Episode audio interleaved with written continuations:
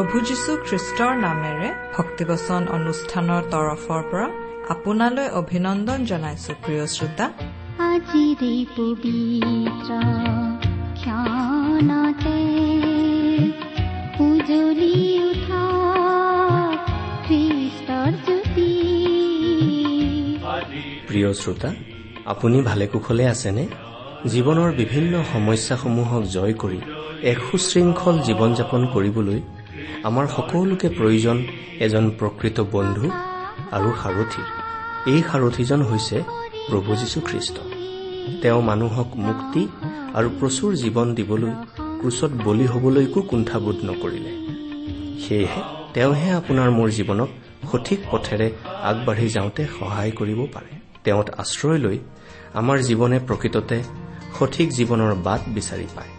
গতিকে তেওঁৰ বিষয়ে আৰু অধিককৈ জানিবলৈ পবিত্ৰ বাইবেলৰ এই শিক্ষামূলক অনুষ্ঠান ভক্তিবচন মনোযোগেৰে শুনো।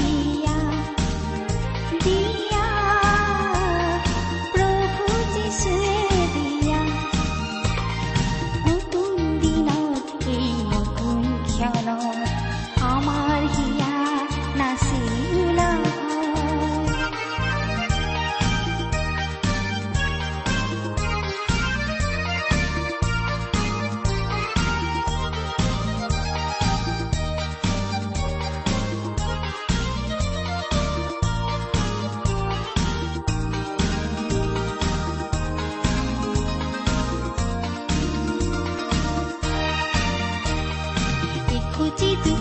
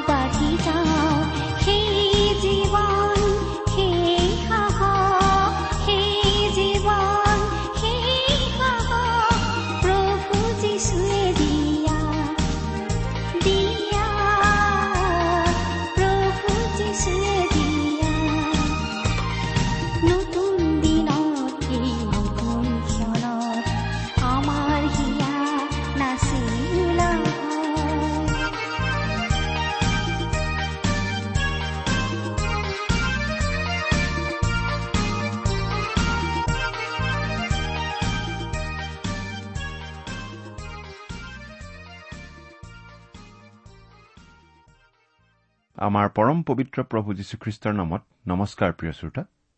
আশা কৰো মহান পিতা পৰমেশ্বৰৰ মহান অনুগ্ৰহত আপুনি ভালে কুশলে আছে। লগতে এই বুলিও আশা কৰিছো যে আপুনি আমাৰ এই ভক্তিবচন অনুষ্ঠানটো নিয়মিতভাৱে শুনি আছে। যদি আজি প্ৰথমবাৰৰ বাবে শুনিছে শুনি কেনে পালে আমালৈ চিঠি লিখি জনাবচোন? যদিহে আপুনি আমাৰ নিয়মীয়া শ্ৰোতা কিন্তু কেতিয়াও আমালৈ চিঠি পত্ৰ লিখা নাই তেনেহলে আজিয়ে লিখিবচোন। যদি আমালৈ মাজে সময়ে চিঠি পত্ৰ লিখি আছে তেনেহলে আপোনাক ধন্যবাদ জনাইছো। আহকচোন আজিৰ বাইবেল অধ্যয়ন আৰম্ভ কৰাৰ আগতে খন্তেক প্ৰাৰ্থনাত মূৰ দুৱাওঁ। আমি প্ৰাৰ্থনা কৰো স্বৰ্গত থকা অসীম দয়ালু পিতৃ ঈশ্বৰ তোমাৰ মহান নামৰ ধন্যবাদ কৰো। তুমি সৰ্বশক্তিমান সৰ্বব্যাপী সৰ্বজ্ঞানী ঈশ্বৰ হৈও আমাৰ দৰে ক্ষুদ্ৰ মানৱক যে ইমান প্ৰেম কৰা সেই কথা ভাবিলেই আচৰিত হওঁ। তুমি আমাক ইমানেই প্ৰেম কৰিলা যে আমাক পৰিত্ৰাণ দিবলৈ তুমি তোমাৰ একেজাত পুত্ৰ যীশুখ্ৰীষ্টকে আমালৈ দান কৰিলা। তেওঁ আমাৰ সকলো পাপৰ বোজা নিজৰ কান্ধত লৈ আমাৰ হৈ ক্ৰুচত প্ৰাণ দিলে। নিজৰ পবিত্ৰ তেজেৰে আমাৰ পাপৰ প্ৰাচিত্য কৰিলে। আজি তেওঁত বিশ্বাস কৰি আমি অনন্ত জীৱন লাভ কৰি তোমাক পিতৃ বুলি মাতিব পৰা হৈছো। তাৰ বাবে তোমাক অশেষ ধন্যবাদ পিতা। এতিয়া আমি তোমাৰ মহান বাক্য বাইবেল শাস্ত্ৰ অধ্যয়ন কৰিবলৈ ওলাইছো। প্ৰাৰ্থনা কৰিছো। তোমাৰ বাক্য তুমিয়েই আমাক বুজাই দিয়া। এই অনুষ্ঠান শুনি থকা আমাৰ মৰমৰ শ্ৰোতাসকলক তুমি উপচি পৰাকৈ আশীৰ্বাদ কৰা। কিয়নো এই প্ৰাৰ্থনা আমাৰ মহান ত্ৰাণকৰ্তা প্ৰভু যীশুখ্ৰীষ্টৰ নামত আগবঢ়াইছো। প্ৰিয় শ্ৰোতা আপুনি বাৰু আমাৰ আগৰ অনুষ্ঠানটো শুনিছিল নে যদি শুনিছিল তেতিয়াহ'লে আপোনাৰ নিশ্চয় মনত আছে যে যোৱা অনুষ্ঠানত আমি বাইবেলৰ এখন পুস্তকৰ অধ্যয়নৰ সামৰণি মাৰিছিলো। গতিকে আজিৰ অনুষ্ঠানত আমি বাইবেলৰ আন এখন পুস্তকৰ অধ্যয়ন আৰম্ভ কৰিম বুলি আপুনি নিশ্চয় মানসিকভাৱে সাজু হৈ আছে। আমি বাইবেলৰ ছয়ষষ্ঠিখন পুস্তকৰ আটাইকেইখন পুস্তক এই অনুষ্ঠানৰ জৰিয়তে অধ্যয়ন কৰিম বুলি কৈ আহিছো। আমি মাজে মাজে পুৰণি নিয়ম আৰু মাজে মাজে নতুন নিয়মৰ পৰা এখন এখনকৈ পুস্তক লৈ আমাৰ অধ্যয়ন আগবঢ়াই লৈ গৈ আছো। আপুনি যদি আমাৰ এই অনুষ্ঠান নিয়মিতভাৱে শুনি থাকে তেতিয়াহ'লে বাইবেলৰ গোটেইকেইখন পুস্তক আপুনি অধ্যয়ন কৰিব পাৰিব। এই বাইবেল অধ্যয়ন অধিক ফলদায়ক হবলৈ হলে লগত বাইবেলখন লৈ লোৱা ভাল। আপোনাৰ লগত বাৰু বাইবেল আছেনে প্ৰিয় শ্ৰোতা? যদিহে নাই তেনেহলে সোনকালে এখন যোগাৰ কৰি ল'বলৈ চেষ্টা কৰে যেন। ওচৰতো যদি ক'তো পাবলৈ নাই আমালৈ লিখিবচোন। এতিয়া আচল কথালৈ আহোঁ। আজিৰ অনুষ্ঠানত আমি যিখন পুস্তকৰ অধ্যয়ন আৰম্ভ কৰিব খুজিছো সেইখন পাব বাইবেলৰ নতুন নিয়ম খণ্ডত। পুস্তকখনৰ নাম হৈছে ইফিচিয়াবিলাকৰ প্ৰতি পত্ৰ। ঠিক গালাটীয়া পুস্তকৰ পাছতেই আৰু ফিলিপিয়া পুস্তকৰ আগতেই এই পুস্তকখন আপোনালোকে পাব। এই ইফিচিয়া পুস্তকখনৰ অধ্যয়ন আৰম্ভ কৰাৰ আগতে আমি পুস্তকখনৰ এটা পৰিচয় লৈ লোৱাটো ভাল হ'ব। কোনো এখন পুস্তক অধ্যয়ন কৰোতে আমি সেই পুস্তকখনৰ পটভূমি আৰু আন আন আনুষাংগিক কথা কিছুমান আগতে জানি লোৱাটো ভাল। তেতিয়া কথাবোৰ বুজি পোৱাত আমাৰ সুবিধা হয়। বাষষ্ঠি চনত ৰোমৰ পৰা চাৰিজন লোক আহিছিল এছিয়া মাইনৰৰ ফালে বৰ্তমানে যি ঠাইক তুৰস্ক দেশ বুলি জনা যায় সেই অঞ্চললৈ। তেওঁলোকে লগত লৈ আহিছিল চাৰিখন অতি মূল্যৱান চিঠি। সেই চিঠিকেইখনৰ যে মূল্য কিমান সেই কথা ৰোমৰ শাসকবৰ্গই জনা নাছিল। কাৰাগাৰত বন্দী হৈ থকা বন্দী এজনে লিখা চিঠি মূল্যৱান হ'ব পাৰে বুলি হয়তো তেওঁলোকে ভবাই নাছিল। ভবা হলে সেই মানুহ চাৰিজনক ধৰি তেওঁলোকৰ পৰা সেই চিঠিকেইখন কাঢ়ি ললেহেঁতেন। এই মানুহ চাৰিজনক পাচনি পৌলে যেতিয়া বিদায় দিছিল প্ৰত্যেককে একো একোখন ঠাইলৈ চিঠি লৈ যোৱাৰ দায়িত্ব দিছিল। এই চাৰিখন চিঠিক ঈশ্বৰৰ বাক্য বুলি স্বীকৃতি দিয়া হৈছে আৰু চিঠিকেইখনক পৌলে বন্দীশালৰ পৰা লিখা চিঠি বুলি জনা যায়। কিয়নো তেওঁ ৰোমত বন্দীশালত বন্দী হৈ থকা অৱস্থাত এই চিঠিকেইখন লিখিছিল। পৌল বন্দীশালত আছিল। চিজাৰ নিৰৰ আগত হবলগীয়া বিচাৰৰ বাবে। কাৰণ সেই সময়ত ৰোমৰ চিজাৰ আছিল নিৰ। পৌল যিহেতু ৰোমিয়া নাগৰিক আছিল গতিকে তেওঁ চিজাৰৰ ওচৰত বিচাৰ হ'ব লাগে বুলি আপিল কৰিছিল। সেইবাবেই তেওঁ ৰোমত বিচাৰৰ সন্মুখীন হবলৈ বাট চাই আছিল। সেই মানুহ চাৰিজনে পৌলৰ চাৰিখন চিঠি কঢ়িয়াই আনিছিল। তেওঁলোকৰ চিনাকি আমি পাওঁ বাইবেলতেই।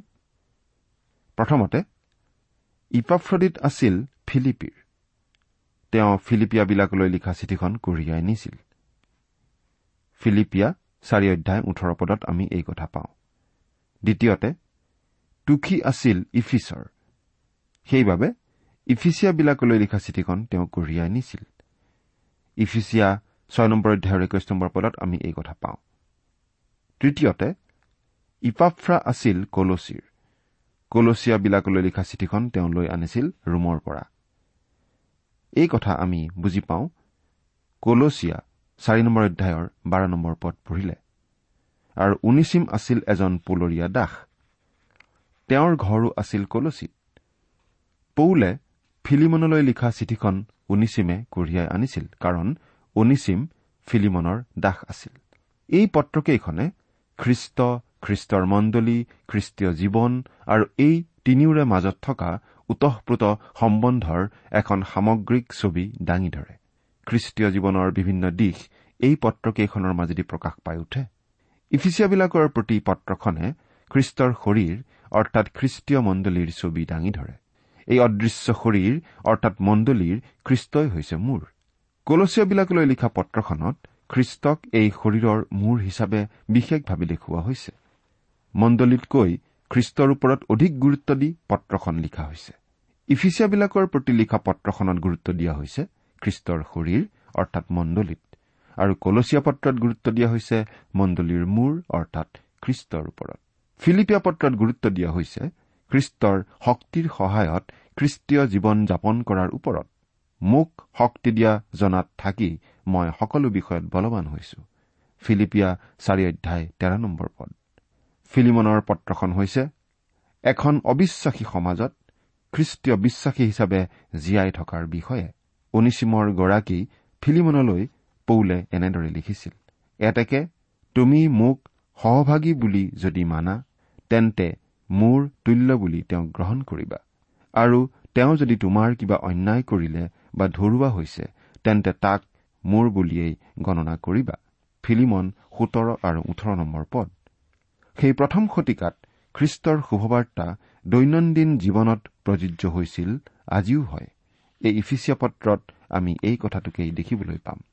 ইফিচিয়া পত্ৰত মণ্ডলীক ঈশ্বৰৰ এক বিশেষ সৃষ্টি বুলি প্ৰকাশিত কৰা হৈছে। এই নিগৃঢ় তত্ব পুৰণি নিয়মত প্ৰকাশ পোৱা নাছিল। ইফিচিয়া দুই অধ্যায় দহ নম্বৰ পদটো পঢ়িলে আমি এই কথা পাওঁ। ই মানুহে সজা যিকোনো ধৰণৰ উপাসনা গৃহতকৈ অভিনৱ। এই মণ্ডলী জীৱন্ত শিলেৰে গঢ়া আৰু ইয়াত পবিত্ৰ আত্মাই বাস কৰে। খ্ৰীষ্টীয় মণ্ডলী হৈছে এই জগতত খ্ৰীষ্টৰ দৃশ্যমান শৰীৰ। খ্ৰীষ্টই যেনেদৰে চলিলেহেঁতেন তেনেদৰে চলিবলৈ আৰু ছয়তানৰ বিৰুদ্ধে যুঁজিবলৈ। এদিন এই খ্ৰীষ্টীয় মণ্ডলীক জগতৰ পৰা লৈ যোৱা হ'ব আৰু খ্ৰীষ্টৰ আগত কন্যা হিচাপে উপস্থিত কৰোৱা হ'ব। এজন বিখ্যাত বাইবেল পণ্ডিতে এই ইফিচিয়া পত্ৰখনক পৌলৰ তৃতীয় স্বৰ্গৰ চিঠি বুলি অভিহিত কৰিছে। আন এজনে আকৌ এই পত্ৰখনক নতুন নিয়মৰ শীৰ্ষভূমি বুলি কৈছে। এইখন হৈছে মণ্ডলী বিষয়ক পত্ৰ।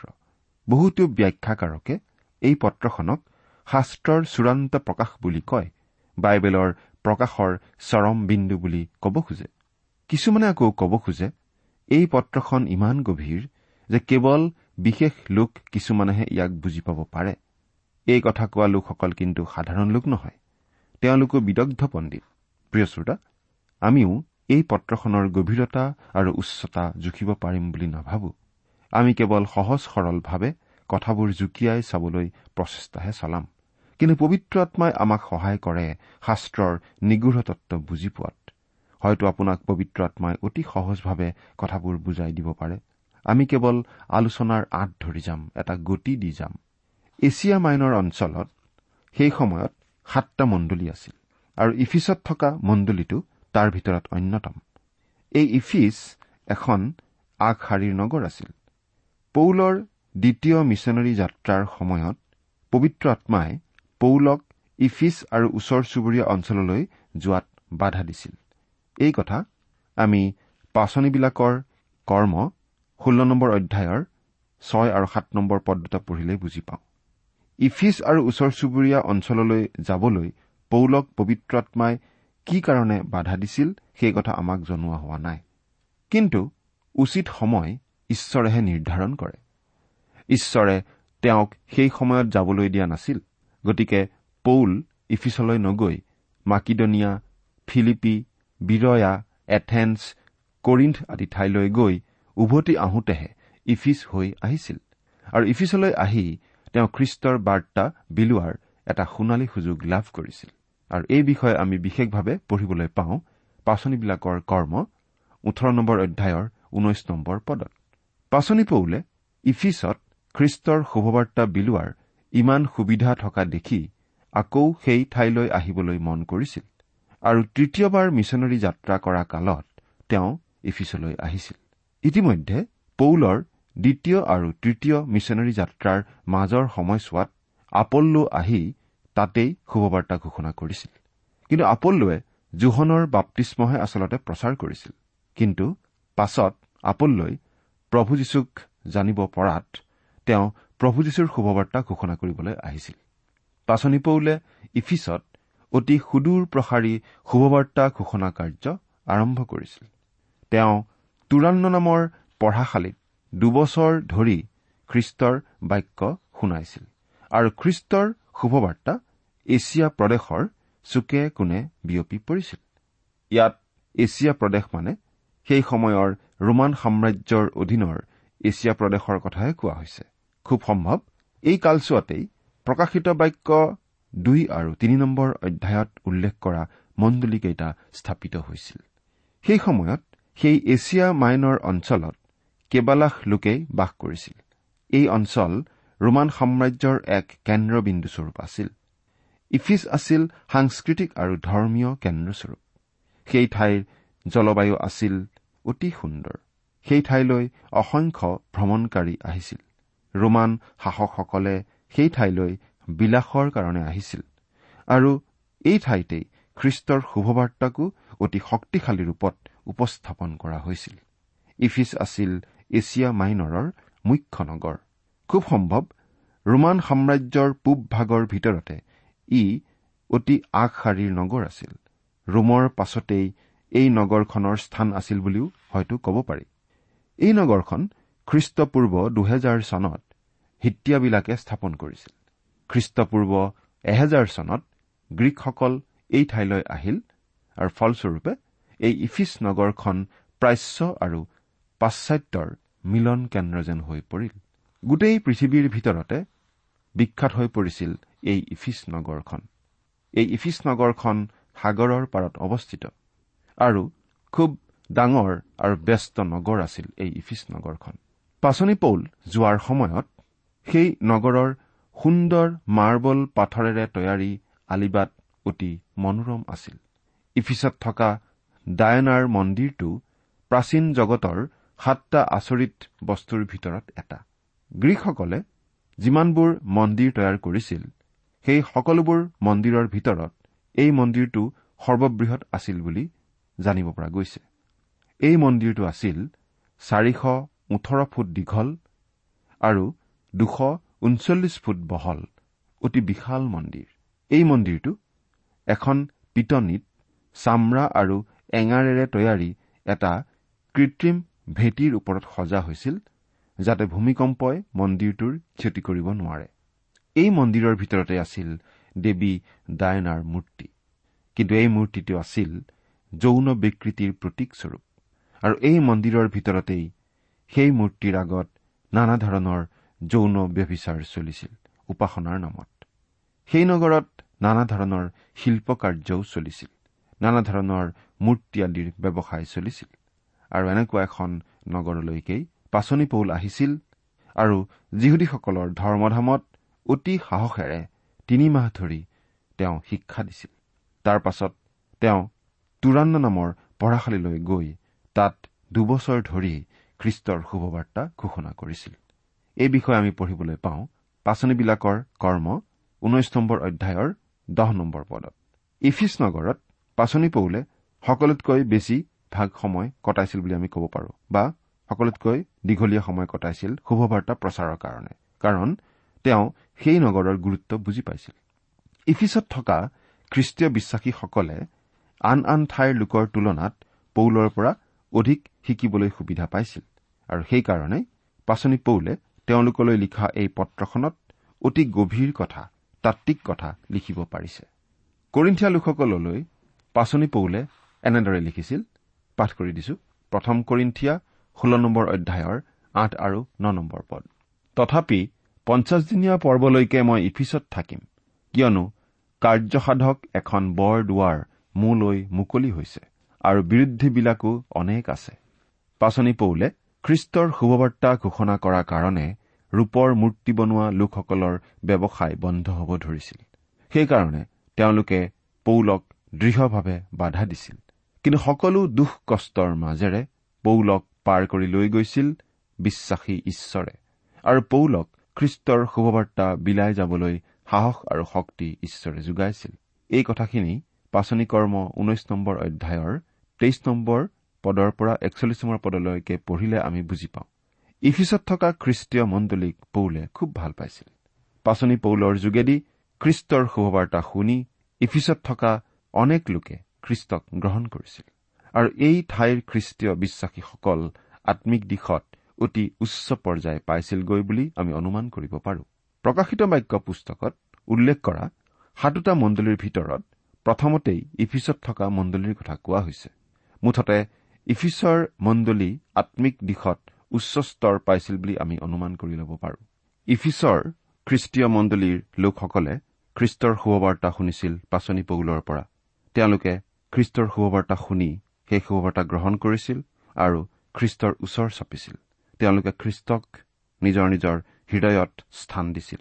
খ্ৰীষ্টই হৈ পৰিছিল তেওঁলোকৰ জীৱনৰ কেন্দ্ৰবিন্দু। প্ৰিয় শ্ৰোতা আজিও আমি এই কথা পাহৰি যোৱা উচিত নহয়। যদিহে আমি নিজকে খ্ৰীষ্টীয় বিশ্বাসী বুলি চিনাকি দিছো যদিহে আমি খ্ৰীষ্টৰ শুভবাৰ্তা শুনি তেওঁক গ্ৰহণ কৰিছো তেতিয়াহ'লে আমাৰ জীৱনৰ কেন্দ্ৰবিন্দু হোৱা উচিত প্ৰভু যীশুখ্ৰীষ্টই।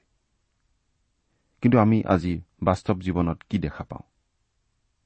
আমি আমাৰ নিজৰ নিজৰ খ্ৰীষ্টীয় মণ্ডলীসমূহত প্ৰায়েই বিভিন্ন কাৰ্যসূচী আদিক লৈ ইমান ব্যস্ত হৈ পৰো যে প্ৰভু যীশুখ্ৰীষ্টৰ সৈতে মধুৰ সহভাগিতা উপভোগ কৰি তেওঁৰ কাষ চাপিবলৈ পাহৰিয়েই যাওঁ। আমি আমাৰ দৈনন্দিন জীৱনৰ বিভিন্ন কাৰ্যসূচীক লৈ ইমান ব্যস্ত হৈ পৰো যে প্ৰভু যীশুখ্ৰীষ্টৰ সৈতে মধুৰ সহভাগিতা উপভোগ কৰিবলৈ তেওঁৰ কাষ চাপিবলৈ পাহৰিয়েই যাওঁ। আনকি দুখ লগা কথা এয়েই যে বহু সময়ত আমি আমাৰ জীৱনত লাভ কৰা বিভিন্ন আশীৰ্বাদসমূহক লৈ ইমান ব্যস্ত হৈ পৰো যে সেই আশীৰ্বাদ আমালৈ বৰষাই দিয়া। আমাৰ প্ৰভু যীশুখ্ৰীষ্টৰ সৈতে মধুৰ সহভাগিতা উপভোগ কৰি তেওঁৰ কাষ চাপিবলৈকো আমি পাহৰিয়েই যাওঁ আহৰিয়েই নাপাওঁ। প্ৰিয় শ্ৰোতা সকলোতকৈ গুৰুত্বপূৰ্ণ প্ৰশ্নটো কি জানেনে? গুৰুত্বপূৰ্ণ প্ৰশ্নটো হৈছে আমি আমাৰ প্ৰভু যীশুখ্ৰীষ্টক কিমান প্ৰেম কৰো? ইফিচিয়া লোকসকললৈ পাচনি পৌলে লিখিছিল যে প্ৰভু যীশুখ্ৰীষ্টই তেওঁৰ মণ্ডলীক ইমান প্ৰেম কৰিলে যে সেই মণ্ডলীৰ কাৰণে নিজৰ জীৱন দিলে। কথাখিনি আমি অলপ বহলাই ক'ব খুজিছো। খ্ৰীষ্টীয় মণ্ডলী অৰ্থাৎ প্ৰভু যীশুখ্ৰীষ্টত বিশ্বাস কৰা সকলো লোকক খ্ৰীষ্টই উদ্ধাৰ কৰিবলৈকে বা পাবলৈকে নিজৰ জীৱন ক্ৰুচৰ ওপৰত অৰ্পণ কৰিলে। অৰ্থাৎ প্ৰভু যীশুখ্ৰীষ্টই নিজৰ জীৱন দি খ্ৰীষ্টীয় মণ্ডলীক উদ্ধাৰ কৰিলে। অৰ্থাৎ প্ৰভু যীশুখ্ৰীষ্টই আমাক ইমান প্ৰেম কৰিলে যে আমাৰ কাৰণে নিজৰ জীৱন দিলে। সেইকাৰণেই বাইবেলত লিখিছে কিয়নো ইতিপূৰ্বে যেতিয়া আমি দুৰ্বল আছিলো তেতিয়া খ্ৰীষ্টে উপযুক্ত সময়ত ঈশ্বৰ ভক্তিহীনবিলাকৰ নিমিত্তে আপোন প্ৰাণ দিলে। ধাৰ্মিক লোকৰ কাৰণে প্ৰায়ে কোনোজনে প্ৰাণ নিদিয়ে। সৎলোকৰ কাৰণে প্ৰাণ দিবলৈকো কিজানি কোনোজনৰ সাহ থাকিব পাৰে। কিন্তু ঈশ্বৰে আমালৈ তেওঁৰ প্ৰেমৰ প্ৰমাণ দিছে। কাৰণ ইতিপূৰ্বেই যেতিয়া আমি পাপী আছিলো তেতিয়া খ্ৰীষ্টে আমাৰ কাৰণে আপোন প্ৰাণ দিলে। বাইবেলত ৰোমিয়াবিলাকৰ প্ৰতি লিখা পত্ৰৰ পাঁচ নম্বৰ অধ্যায়ৰ ছয় নম্বৰ পদৰ পৰা আঠ নম্বৰ পদলৈকে পঢ়িলে আমি এনেদৰেই পাওঁ। প্ৰিয় শ্ৰোতা আমাৰ কাৰণে প্ৰভু যীশুখ্ৰীষ্টই যি প্ৰেমৰ প্ৰমাণ দিছে তাৰ প্ৰতিদানত আমি বাৰু কি দিছো? আমি বাৰু খ্ৰীষ্টৰ প্ৰেমৰ প্ৰতিদান কিদৰে দিছো? আমিও বাৰু ক'ব পাৰোনে? তেওঁ মোক প্ৰেম কৰিলে সেইকাৰণে ময়ো তেওঁক প্ৰেম কৰো এই বুলি চিন্তা কৰি চাওকচোন। এই ইফিচিয়া পত্ৰখনে আচলতে আমাক খ্ৰীষ্টৰ অধিক ওচৰ চপাই অনা উচিত। প্ৰভু যীশুখ্ৰীষ্টই আমাক প্ৰেম কৰিলে এইবুলি আমি বুজি পাব পাৰোঁ। তেওঁ আমাক প্ৰেম কৰিলে বাবেই আমাক উদ্ধাৰ কৰিবলৈ আমাৰ পাপৰ প্ৰাচিত্য কৰিবলৈ ক্ৰুচত নিজৰ বহুমূলীয়া তেজ বোৱালে। এই কথাও আমি বুজি পাব পাৰোঁ। প্ৰভু যীশুখ্ৰীষ্টক গ্ৰহণ কৰিলেই আমি আমাৰ সকলো পাপৰ ক্ষমা লাভ কৰিব পাৰোঁ। এই কথাও আমি বুজি পাব পাৰোঁ। আৰু সকলো পাপৰ ক্ষমা লাভ কৰি পবিত্ৰ আত্মাৰ যোগেদি নতুন জন্ম লাভ কৰি ঈশ্বৰৰ সন্তান হওঁ বুলিও আমি বুজি পাব পাৰোঁ জানিব পাৰোঁ। কিন্তু তাৰ পৰা আমাৰ একো লাভ নাই। যেতিয়ালৈকে আমি তেওঁক আমাৰ জীৱনৰ প্ৰভু আৰু ত্ৰাণকৰ্তা বুলি গ্ৰহণ নকৰো। সেই কাম বাৰু আপুনি কৰিছেনে? চিন্তা কৰি চাওকচোন। ঈশ্বৰে আপোনাক আশীৰ্বাদ কৰক। আমেন। প্ৰিয় শ্ৰোতা ইমান পৰে আপুনি বাইবেল শাস্ত্ৰৰ পৰা ঈশ্বৰৰ বাক্য শুনিলে এই বিষয়ে আপোনাৰ মতামত জানিবলৈ পালে আমি নথৈ আনন্দিত হ'ম। আমি প্ৰস্তুত কৰা বাইবেল অধ্যয়নৰ চিডিসমূহ পাব বিচাৰিলে আৰু অনুষ্ঠানত প্ৰচাৰ কৰা কোনো কথা বুজিব লগা থাকিলেও আমালৈ লিখক। আমাৰ যোগাযোগৰ ঠিকনা ভক্তিবচন ট্ৰান্সপল ৰেডিঅ' ইণ্ডিয়া ডাক বাকচ নম্বৰ সাত শূন্য গুৱাহাটী সাত আঠ এক শূন্য শূন্য এক। ঠিকনাটো আকৌ এবাৰ কৈছো ভক্তিবচন ট্ৰান্সৱৰ্ল্ড ৰেডিঅ' ইণ্ডিয়া ডাক বাকচ নম্বৰ সাত শূন্য গুৱাহাটী সাত আঠ এক শূন্য শূন্য এক। আমাৰ ইমেইল এড্ৰেছটো হৈছে Assamese T TV at the rate radio' eight eight two dot com. আমাৰ website W W W dot T W R dot in. তোমাকে প্ৰাৰ্থিছো আজি কাতৰে মাতিছো আজি আমি প্ৰভু যিছু আপুনি টেলিফোনৰ মাধ্যমেৰেও আমাক যোগাযোগ কৰিব পাৰে। আমাৰ টেলিফোন নম্বৰটো হৈছে nine eight five four zero' four zero' eight eight nine. Phone নম্বৰটো আকৌ এবাৰ কৈছো ন আঠ পাঁচ চাৰি শূন্য চাৰি শূন্য আঠ আঠ ন। আপুনি এই ভক্তিপচন অনুষ্ঠানটি আমাৰ website radio' eight eight two dot কমতো শুনিব পাৰিব। তুমি সৃজিছিলা যোন বেলি তৰা ইয়াৰ কাষলে যিছু তুমি আহা তুমি সৃজিছিলা যোন বেলি তৰা ইয়াৰ কাষলে মোৰ। যিছু তুমি আহা।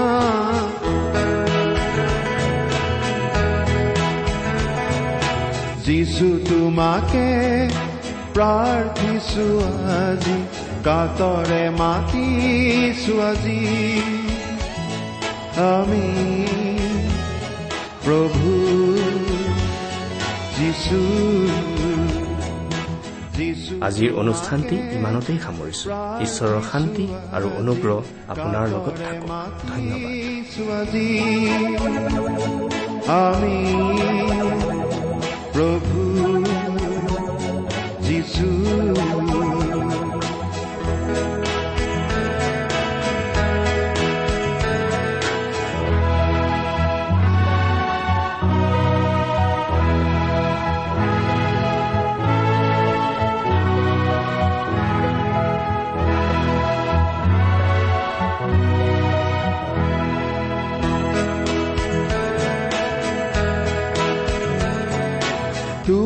আহিছিলা। এই জগতলৈ আমাৰ সকলোকে জীৱন দিবলৈ তুমি আহিছিলা। এই জগতলৈ আমাৰ সকলোকে জীৱন দিবলৈ